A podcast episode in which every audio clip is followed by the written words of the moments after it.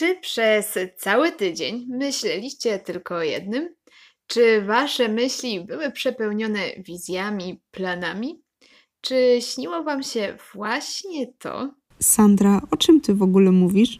Mówię o myśleniu tylko i wyłącznie o kolejnych podróżach. Bo dziś jest piątek, godzina 15, więc odpalamy właśnie kolejną odsłonę audycji Piąta Strona Świata. Co to oznacza? Że najbliższą godzinę będziemy mówić właśnie o wojażach, ciekawych miejscach, a spędzicie najbliższą godzinę z Sandrą Skalmierską. I Laurą Szafarczyk. Oj, Sandra, tak poetycko zaczęłaś dzisiejszą audycję. Aż próbowałam sobie przypomnieć, co śniło mi się ostatnio. Bardzo możliwe, że były to podróżnicze sny. Bo popatrz, mogą być one ostatnio przepełnione właśnie takimi wizjami i planami wyjazdów, no bo mam wrażenie, że sytuacja na świecie jest coraz, ale to coraz to lepsza. Samo otwarcie ogródków już dało nam na miastkę, powiedziałabym, normalności, a więc teraz już tylko musimy wrócić do podróżowania po świecie i nie tylko w naszej audycji. Dokładnie. Wydaje mi się, że to właśnie przez to naszły mnie takie refleksje. Przechodząc przez rynek w sobotę, poczułam się, jakby świat nagle był normalny, więc moje wyobrażenia powędrowały nawet nieco dalej i zastanawiałam się, czy to już czas tuptać, pakować walizkę? Planujmy, planujmy, planujmy kolejne podróże. To po naszej audycji. A tymczasem może zdradzimy co nieco naszym słuchaczom, o czym będziemy dziś rozmawiać? Dziś przenosimy się w tereny, które albo można kochać, albo nienawidzić. Zanurzymy się w orientalną rzeczywistość, której smaki i zapachy ciężko oddać jedynie naszymi głosami. Domyślacie się, o jakie państwo może chodzić? Nie trzymajmy już dłużej w niepewności. Lecimy do, uwaga, Indii. Ja zajmę się dziś w szczególności tym charakterystycznym smakiem i spróbuję odpowiedzieć na pytanie, czy wszystko w Indiach smakuje jak kary. Karolina, jak zazwyczaj, zajmie się ciekawostkami, a Litka, no właśnie, Litka przygotowała chyba coś specjalnego. Prawda, Sandra? Dokładnie tak. Litka zaprosiła dzisiaj gościa, który pomoże nam ogarnąć ten kraj pełen sprzeczności i kontrowersji. A będzie to Julia, która swoje dzieciństwo spędziła właśnie w Indiach. Porozmawiają o indyjskich realiach, ale też o tym, jak przygotować się do podróży i co zobaczyć w tym kraju. O, jestem bardzo ciekawa tej rozmowy. A rozumiem, że ty, Sandra, jak zwykle przygotowałaś coś okiem geografa? Oczywiście. Ale żeby usłyszeć, drodzy słuchacze, co to będzie, zostańcie z nami koniecznie i słyszymy się już za chwilę. Bollywoodzkie filmy, zapach kary i radosny rumor na ulicach. Przed mikrofonem Litka Majda. Dziś tematem przewodnim naszej audycji są Indie, a moją rozmówczynią jest Julia Bardzała-Deszmuch, e, studentka Uniwersytetu Ekonomicznego w Krakowie, która Indie zna od podszewki. Julko, bardzo miło mi Cię gościć w piątej stronie świata. Dzień dobry, mi jest również bardzo miło. E, Julka, jak wygląda Twoja historia z Indiami? Bo z pewnych źródeł wiem, że z Indiami jesteś zaprzyjaźniona dość dobrze. E, tak, ja jestem w połowie hinduską. E, mój tata pochodzi z Indii, a w Indiach mieszkałam przez parę lat, mniej więcej w takich czasach podstawówki. A jak wspominasz swoje dzieciństwo w Indiach i bo do szkoły też chodziłaś w pierwszej w Indiach? E, tak, znaczy zaczęłam szkołę tutaj w Polsce, a potem się przeprowadziliśmy e, z moją rodziną e, do Indii, gdzie również kontynuowałam swoją naukę w podstawówce. Mm, to był, to był bardzo szalony czas, tak mogę powiedzieć, zupełnie inny od takiej rzeczywistości, która była tutaj.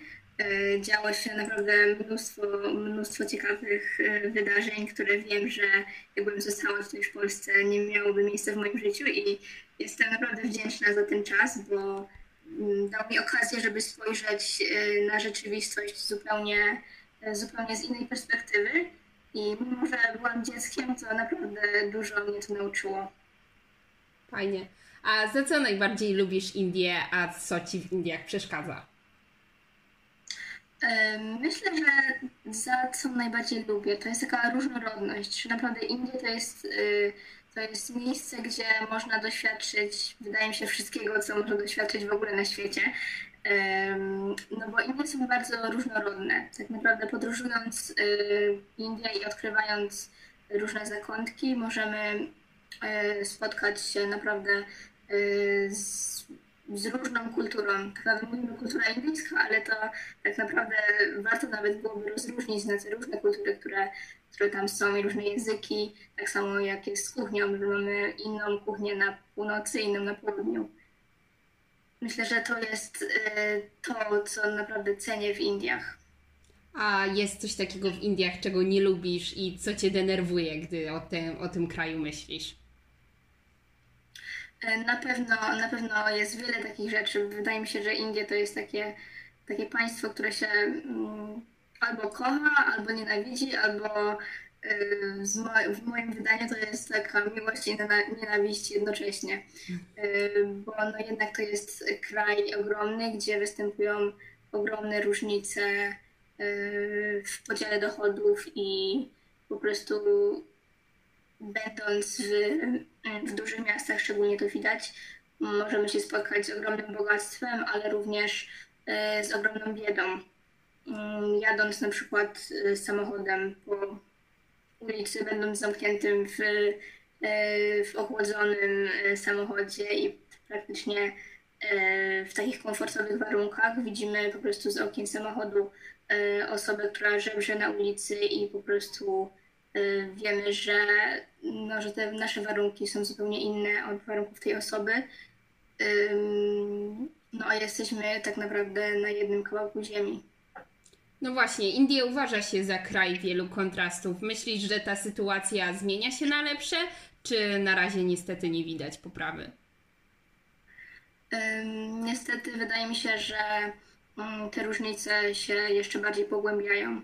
Wraz, wraz z rozwojem gospodarczym raczej osoby, które już mają jakąś pozycję, z tego korzystają, a osoby e, z tych niższych warstw społecznych e, raczej dalej tkwią w tej biedzie, a niestety działania rządu nie, nie kierują się na, na te uboższe warstwy społeczeństwa. Mhm. A co jest według Ciebie najbardziej urzekającego, niezwykłego w kulturze indyjskiej i dlaczego? Bo Indie jednak są sławne z takiego, no chociażby patrząc po bollywoodzkich filmach, z takiego, no można powiedzieć też swego rodzaju przepychu w różnorodnych świętowaniu, w celebrowaniu uroczystości rodzinnych i religijnych. Ta kultura rodziny i to, że Hindusi i w ogóle osoby mieszkające w Indiach E, bardzo dbają o to, aby dobrze się żyło w rodzinie i pielęgnują e, tradycje i naprawdę śluby na przykład w Indiach są bardzo hucznie obchodzone. To nie jest e, święto, które trwa jeden dzień, tylko praktycznie cały tydzień. Cały tydzień się świętuje i no, jest to w swoim rodzaju piękne, bo tak jak widzimy w Europie, raczej takie tradycje odchodzą na dalszy plan i koncentrujemy się na Mm, na nieco innych wartościach. Mm, a w Indiach dalej te tradycje są kultywowane i to w bardzo taki huczny sposób. Myślę, że wielu też naszych rodaków Polaków chciałoby wziąć udział w takim tygodniowym weselu. Cześć, dzień dobry, tu piąta strona świata. Przed mikrofonem Litka Majda, a moją dzisiejszą gościnią jest Julka, która opowiada nam o Indiach. E, Julka już opowiedziała nam, co, e, co, za co Indię kocha, że jest to kraj naprawdę różnorodny, w którym można się zakochać, ale można go też znienawidzić. Ale my dzisiaj się skupiamy na tym, za co Indię warto pokochać. Właśnie Julka, co warto zobaczyć podczas pierwszej wizyty w Indiach, żeby się w Indiach zakochać? Tak jak wspomniałam, India to jest ogromny kraj, więc no na pewno nie poznamy ich tak dobrze mm, podczas jednej wizyty. No chyba, że pojedziemy i od razu zamieszkamy tam. Z takich y, punktów, które warto zobaczyć, trochę, trochę ciężko mi odpowiedzieć na to pytanie, ponieważ y, ja bardziej znam Indię z takiej strony mm, poznawania ludzi. Wydaje mi się, że właśnie na to należy zwrócić uwagę, jak się jedzie do Indii, E, po prostu obserwować ludzi, obserwować ich zachowania, jak reagują na różne sytuacje i jak, jaka jest ich interakcja między e, nami, między osobami, które e, w tej kulturze nie są tak osadzone. Więc wydaje mi się, że właśnie poznawanie ludzi i, i tej kultury. Tak Ja chyba... sama, mimo że mieszkałam w Indiach i byłam e, tam wielokrotnie, e, na przykład nie byłam w Taj Mahalu, trochę żałuję, ale wiem, że no to nie jest jakaś najważniejsza e, rzecz do zobaczenia w Indiach. No dokładnie, chyba pocztówki z takich najbardziej top miejsc to no, każdy może sobie zrobić, a jednak poznawanie ludzi i budowanie relacji to jest taka pamiątka, której no po prostu nie da się powtórzyć. Tak, dokładnie. Chciałabym jeszcze zaznaczyć, że po Indiach warto podróżować pociągiem. Jest to zupełnie nowe doświadczenie i na pewno ciekawe. Sama, same stacje kolejowe to już jest, e, to już jest ciekawe doświadczenie. E, Natomiast e, Indie posiadają bardzo rozbudowaną sieć kolejową, także z miast do miast możemy z łatwością dostać się pociągiem. Wiadomo, że te podróże trwają dużo dłużej niż, niż samolotem, ale w ten sposób naprawdę poznajemy ludzi i kulturę e, w taki sposób właśnie od podszewki, w taki sposób, jaki oni podróżują e, i to, jak oni spędzają czas w pociągu, co jest bardzo ciekawe. Dobra, dzięki wielkie, it. A jak przygotować się przed wyjazdem do Indii? Co ze sobą zabrać, albo może na co, na co się przygotować? Wydaje mi się, że warto jest poczytać e, o Indiach, o kulturze. E, Może nawet przeczytać jakąś książkę, która została napisana przez e, autora czy autorkę mm, pochodzącego z Indii. Taką książką może być na przykład Bóg Rzeczy Małych autorstwa Arundhati Roy. Mm, Wydaje mi się, że to jest taki fajny sposób na liźnięcie na początek takiej kultury. E, No i też nie nastawiać się na zbyt wiele, bo India to jest, e, to jest państwo, gdzie na pewno e, można się rozczarować, można się zaskoczyć, więc po prostu fajnie byłoby tak oddać się temu, a nie, nie jechać z jakimiś konkretnymi oczekiwaniami. A co do rzeczy, które należałoby zabrać, to wydaje mi się, że w Indiach można wszystko kupić tak naprawdę, więc nie potrzebujemy zabierać takich rzeczy typu balsam do opalania, chyba że mamy jakieś ulubionej marki. Po prostu wszystko, wszystko tam naprawdę można kupić. Łatwiej byłoby, łatwiej byłoby mi odpowiedzieć na pytanie, co można zabrać z Indii, e, bo tutaj na pewno... O, tego też na pewno jesteśmy ciekawi, więc jak najbardziej możesz nam powiedzieć. Więc myślę, że taką fajną pamiątką są na pewno przyprawy. Warto, warto pójść na, e, na jakiś bazar i poszukać e, przypraw, które są używane e, w kuchni indyjskiej, potem spróbować coś pogotować u siebie, u siebie w domu. Mm, No i po prostu obserwować i zbierać informacje, które są dla nas jakoś interesujące. Właśnie, Indie słyną z pysznej kuchni. Wspomniałeś, że to jest kraj różnorodny, więc domyślam się, że kuchnia też jest bardzo różnorodna. Ale może masz jakieś takie jedno ulubione indyjskie danie, które chciałabyś polecić naszym radiosłuchaczom do spróbowania? E, Tak, tak jak właśnie wspomniałaś, ta kuchnia też jest e, różnorodna, ale takim e, jednym daniem, który, które spotkamy tak naprawdę e, wszędzie, dosłownie wszędzie w Indiach, na ulicy czy w jakiejś wykwintnej restauracji, e, po prostu no, to występuje wszędzie, e, to są samosy, które również można skosztować e, u nas w Polsce. Jest parę miejsc, gdzie można je kupić. To są takie, mm, by przyrównać to do jakiegoś polskiego dania, to mógłby być taki pieróg, który jest wypełniony takim farszem ziemniaczano-proszkowym, y, smażony na głębokim oleju i zwykle podawany z jakimiś y, pikantnymi sosami czy jogurtem. O kurczę, To na coś, co, y, co należy, należy skosztować. rzeczywiście brzmi pysznie. Pewnie o Indiach jeszcze mogłybyśmy długo rozmawiać, ale niestety nasz czas antenowy jest ograniczony. Dzięki ogromnej Julka za rozmowę i na pewno mnie zachęciłaś do wizyty w Indiach i jestem pewna, że nasi słuchacze też już powoli myślą o tym, jak do Indii bilety lotnicze zakupić. Dziękuję bardzo. Cześć i czołem! Wita się z Wami Laura Szafarczyk. Jak już mogliście usłyszeć, dzisiaj w audycji Piąta Strona Świata podróżujemy do krainy słynącej z kary. Mowa tu o Indiach. Dania kuchni indyjskiej w większości kojarzą się właśnie z intensywnym aromatem korzennych przypraw, ale też z lekką pikantnością i właśnie dużą ilością warzyw.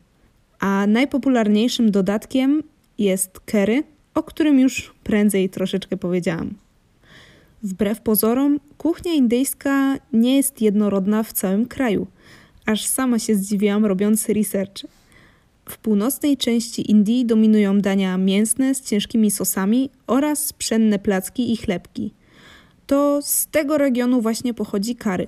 Z kolei w południowej części kraju dominują dania wegetariańskie na bazie nasion roślin strączkowatych, ale także dodatek do tego to ryż i mleczko kokosowe. W południowej części Indii popularne są zupy, a szczególnie zupa z soczewicy na ostro. Dania najczęściej podawane są na okrągłych metalowych tacach. Z kolei na południu podaje się potrawy również nieco nietypowo, bo na liściu bananowca. Ciekawe co?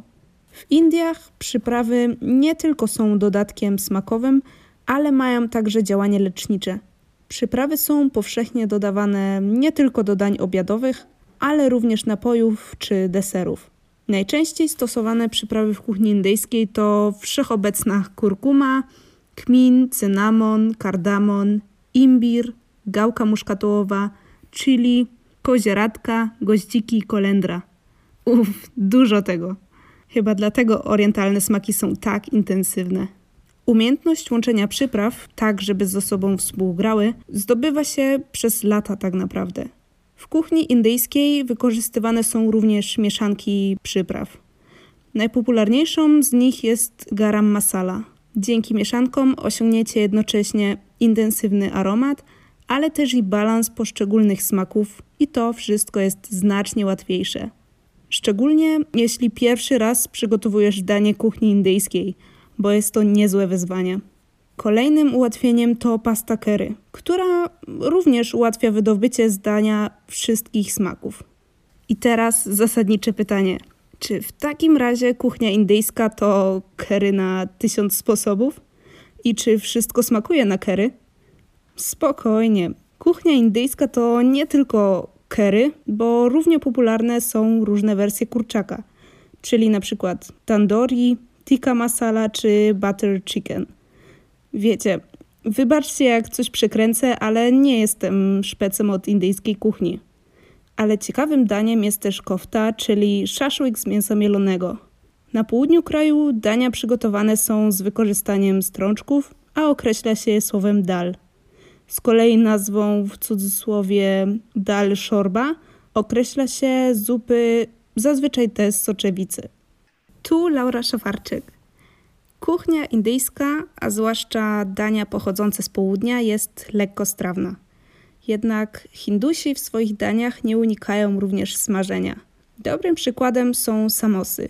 Są to trójkątne pierożki smażone na tłuszczu oraz pakora, czyli smażone warzywa w cieście. Każde hinduskie danie podawane jest dodatkiem węglowodanowym, a w większości jest to właśnie ryż. Często przygotowywanymi dodatkami są także chlebki nan, ciapati czy batura. Jeśli danie nie jest płynne lub półpłynne, podaje się z dodatkowym sosem. Najczęściej wykorzystywanymi sosami są raita, czyli sos jogurtowy, oraz chantei, czyli tłumacząc na nasze to owocowo-warzywny sos. Jak w każdej kuchni, również w indyjskiej nie mogło zabraknąć deserów. Są to zazwyczaj przygotowywane na bazie mleka lub innego nabiału dania. Popularne są pudynki, lody, ale smażone kulki z masy mlecznej, czyli gulab, janun oraz hałwa. Omawiając kuchnię indyjską, nie mogłabym pominąć napojów, bo są one także nietypowe. Obok niezwykle popularnej herbaty, często spożywanym napojem w Indiach jest lassi a jest to napój na bazie jogurtu, wody, no i oczywiście przypraw. Popularną wersją tego jest mango lassi. Chyba domyślacie się, jaki owoc jest tajnym składnikiem. A jeszcze na koniec taki mały fun fact. W Indiach mało kto używa sztućców podczas jedzenia. Większość, szczególnie w domu, posiłki spożywa prawą ręką, bo lewą uważa się za, powiedziałabym, no nieczystą. W ten sposób już przed włożeniem jedzenia do ust prawą ręką dłonie zapoznają się z konsystencją i strukturą, a to potęguje wrażenia smakowe. Kończąc moje niuanse o kuchni indyjskiej, mam nadzieję, że zaciekawiłam Was do jej spróbowania. Wiecie, najłatwiej jest rozpocząć od małych kroczków, czyli dodawania więcej orientalnych przypraw do dań, powiedziałabym kurczakowo-ryżowych. Ja tymczasem się już żegnam, ale to nie koniec naszej wędrówki po Indiach, bo przed Wami jeszcze między innymi wiele nietypowych ciekawostek. A przez indyjską kuchnię prowadziła Was, drodzy słuchacze, Laura Szafarczyk. Podróżujemy dziś po państwie, w którym nic nie jest czarne albo białe. Państwie, które kojarzy nam się często z bollywoodzkimi produkcjami filmowymi, z intensywną w smaku aromatyczną kuchnią, a także z religią, całkiem odmienną od naszej. Przed mikrofonem Sandra Skalmierska. Jesteśmy w Indiach. Rzeczywistość indyjska wydaje się być całkiem odmienna od tej naszej, polskiej. Chociaż wiecie co jedno nas łączy? Tak jak i u nas, jednak religia dalej jest bardzo ważnym elementem życia społeczeństwa polskiego. Tak i w Indiach religia to jeden z najważniejszych elementów egzystencji indyjskiej ludności. Mimo, że Indie są oficjalnie państwem świeckim i nie mają żadnej religii takiej państwowej, to większość wyznaje trzecią co do wielkości religię świata, czyli hinduizm. Szacuje się, że praktykuje go aż około 80-83% całego społeczeństwa. I o hinduizmie opowiem nieco więcej za moment. Ale w Indiach mamy też islam, jest to około 12%, chrześcijaństwo, takie 3%, reszta z zaginionych procentów to buddyzm, dżinizm, sikhizm, zoroaryzm i bahaizm. Chodźmy na chwilę te ponad 4000 lat wstecz i przejdźmy do hinduizmu, czyli tego jednego z najbardziej zróżnicowanych systemów religijnych na świecie. Ogólnie religia ta jest w dużym stopniu powiązana z kulturą Indii i z tymi tradycyjnymi strukturami społecznymi. Chodzi mi tutaj o system kastowy i praktykę składania rytualnych ofiar. Hinduizm jest też idealnym odzwierciedleniem tego, co powiedziałam na początku, czyli że Indie nigdy nie są czarne albo białe. Bo wyobraźcie sobie, że pod pojęciem hinduizmu kryje się tysiące różnorodnych wierzeń, poglądów. Niektóre źródła podają, że jest to nawet ponad 10 tysięcy kultów, wierzeń w różne bóstwa, założeń innych doktryn, uznawania całkiem innych świątyń, różnorodnych sposobów na oddawanie czci. A wszystko to łączy wielki Bóg początku Brahma. A jakie jest główne założenie, jakie są główne cechy dla całego hinduizmu?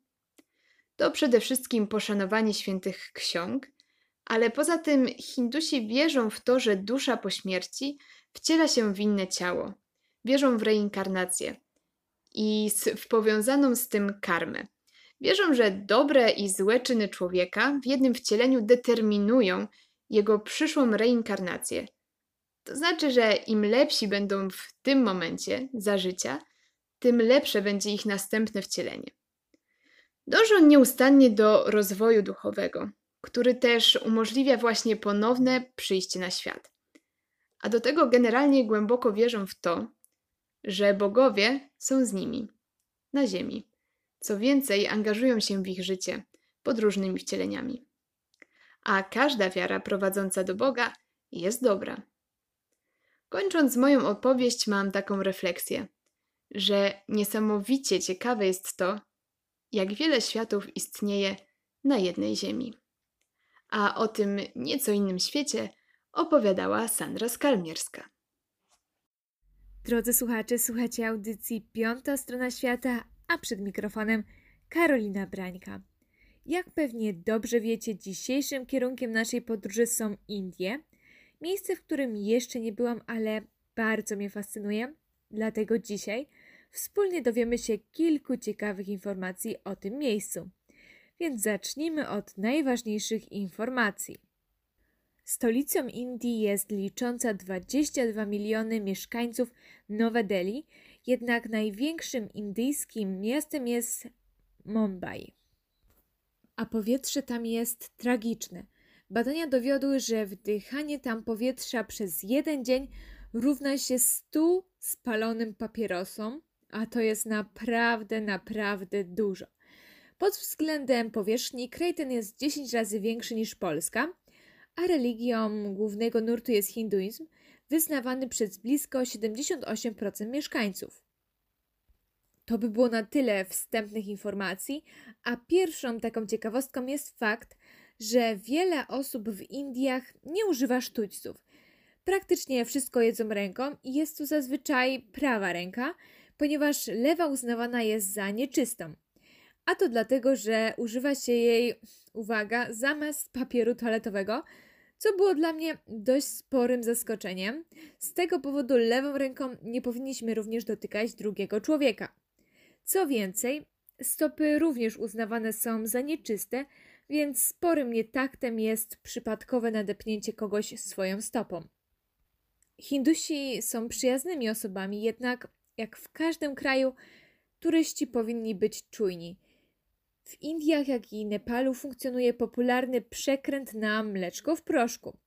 A kolejną ciekawostką, która mnie osobiście bardzo zaskoczyła, jest fakt, że Parsowie mieszkający w Indiach nadal pozostawiają zwłoki zmarłych bliskich na pożarcie przez sępy, na tak zwanych wieżach milczenia, a praktyka ta uznawana jest jako ostatni akt miłosierdzia. Pewnie większość wie o tej ciekawostce, ale Hindusi są bardzo bogaci. Ponad milion mieszkańców tego kraju zgromadziło na swoim koncie więcej niż milion dolarów, ale niestety większość Hindusów musi przeżyć za mniej niż 2 dolary dziennie. Największa rodzina natomiast na całym świecie mieszka właśnie w Indiach, a głową rodziny jest mężczyzna z 39 żonami i 94 dziećmi. Tylko jedno na 100 małżeństw właśnie w Indiach kończy się rozwodem i jest to najniższy współczynnik wśród wszystkich krajów świata. Hindusi są również bardzo przedsiębiorczy, dlatego indyjska linia lotnicza zatrudnia do pracy jedynie kobiety, ponieważ są one lżejsze niż mężczyźni i pozwala to zaoszczędzić pół miliona dolarów na paliwie. A stolicą tańca musicali w Indiach jest Bollywood, które jest odpowiednikiem Hollywood. A kolejną ciekawostką jest to, że w ponad połowie indyjskich domów nie ma niestety toalety, co więcej, Indie posiadają więcej telefonów komórkowych niż toalet. No i z pewnością o tym wiecie, ale świętym zwierzęciem jest krowa, którą często można spotkać spacerującą po ulicy. Mam nadzieję, że dowiedzieliście się, drodzy słuchacze, czegoś nowego, ale to oczywiście jeszcze nie koniec. Więc jeśli jesteście ciekawi, to zostańcie z nami w radiu UJFM. Indie to kraj, który naprawdę zaskakuje i myślę, że można by o nim naprawdę długo opowiadać. Z kuchnią indyjską jeszcze nie miałam okazji bliżej się poznać. A ty, Karolina? Przyznam się szczerze, że jeszcze nie miałam okazji spróbować kuchni indyjskiej, ale zdecydowanie musimy to nadrobić, Litka. Kuchnia podobno dobra, ale powietrze dużo, dużo gorsze, co bardzo mnie zaskoczyło. I faktem jest, że powietrze w Mumbai jest tragiczne, a badania dowiodły, że wdychanie tam powietrza przez jeden dzień równa się aż 100 spalonym papierosom. Jeny, to naprawdę przerażające. Indie to kraj kontrastów. Mega ciekawe było usłyszeć o nim od Julii, która miała okazję w Indiach mieszkać. Tak, to była bardzo ciekawa rozmowa i przyjemnie się jej słuchało. A z faktów, które jeszcze mnie zaciekawiły, to to, że Hindusi są bardzo, bardzo bogaci i ponad milion mieszkańców zgromadziło już na swoim koncie więcej niż milion dolarów, ale niestety większość Hindusów musi przeżyć za mniej niż 2 dolary dziennie. To mnie niezmiennie szokuje. Dokładnie. Te różnice społeczne i ekonomiczne są ogromne w porównaniu do standardów życia w kraju europejskim. Choć podobieństwem do świata zachodniego jest świat kina, Bollywood jest odpowiednikiem amerykańskiego Hollywood. Oczywiście kino ma indyjski charakter, ale ich poziom jest naprawdę wysoki i kino to ma wielu fanów. Karolina, a o czym będziemy rozmawiać za tydzień? Za tydzień będziemy rozmawiać o Chinach i dowiecie się m.in. o miejscach topowych, które musicie zobaczyć, będąc właśnie tam, i wiele, wiele innych ciekawych informacji, więc nie może Was zabraknąć. Koniecznie bądźcie razem z nami na tej egzotycznej eskapadzie. A póki co żegnają się z Wami Lidia Majda I Karolina Brańka.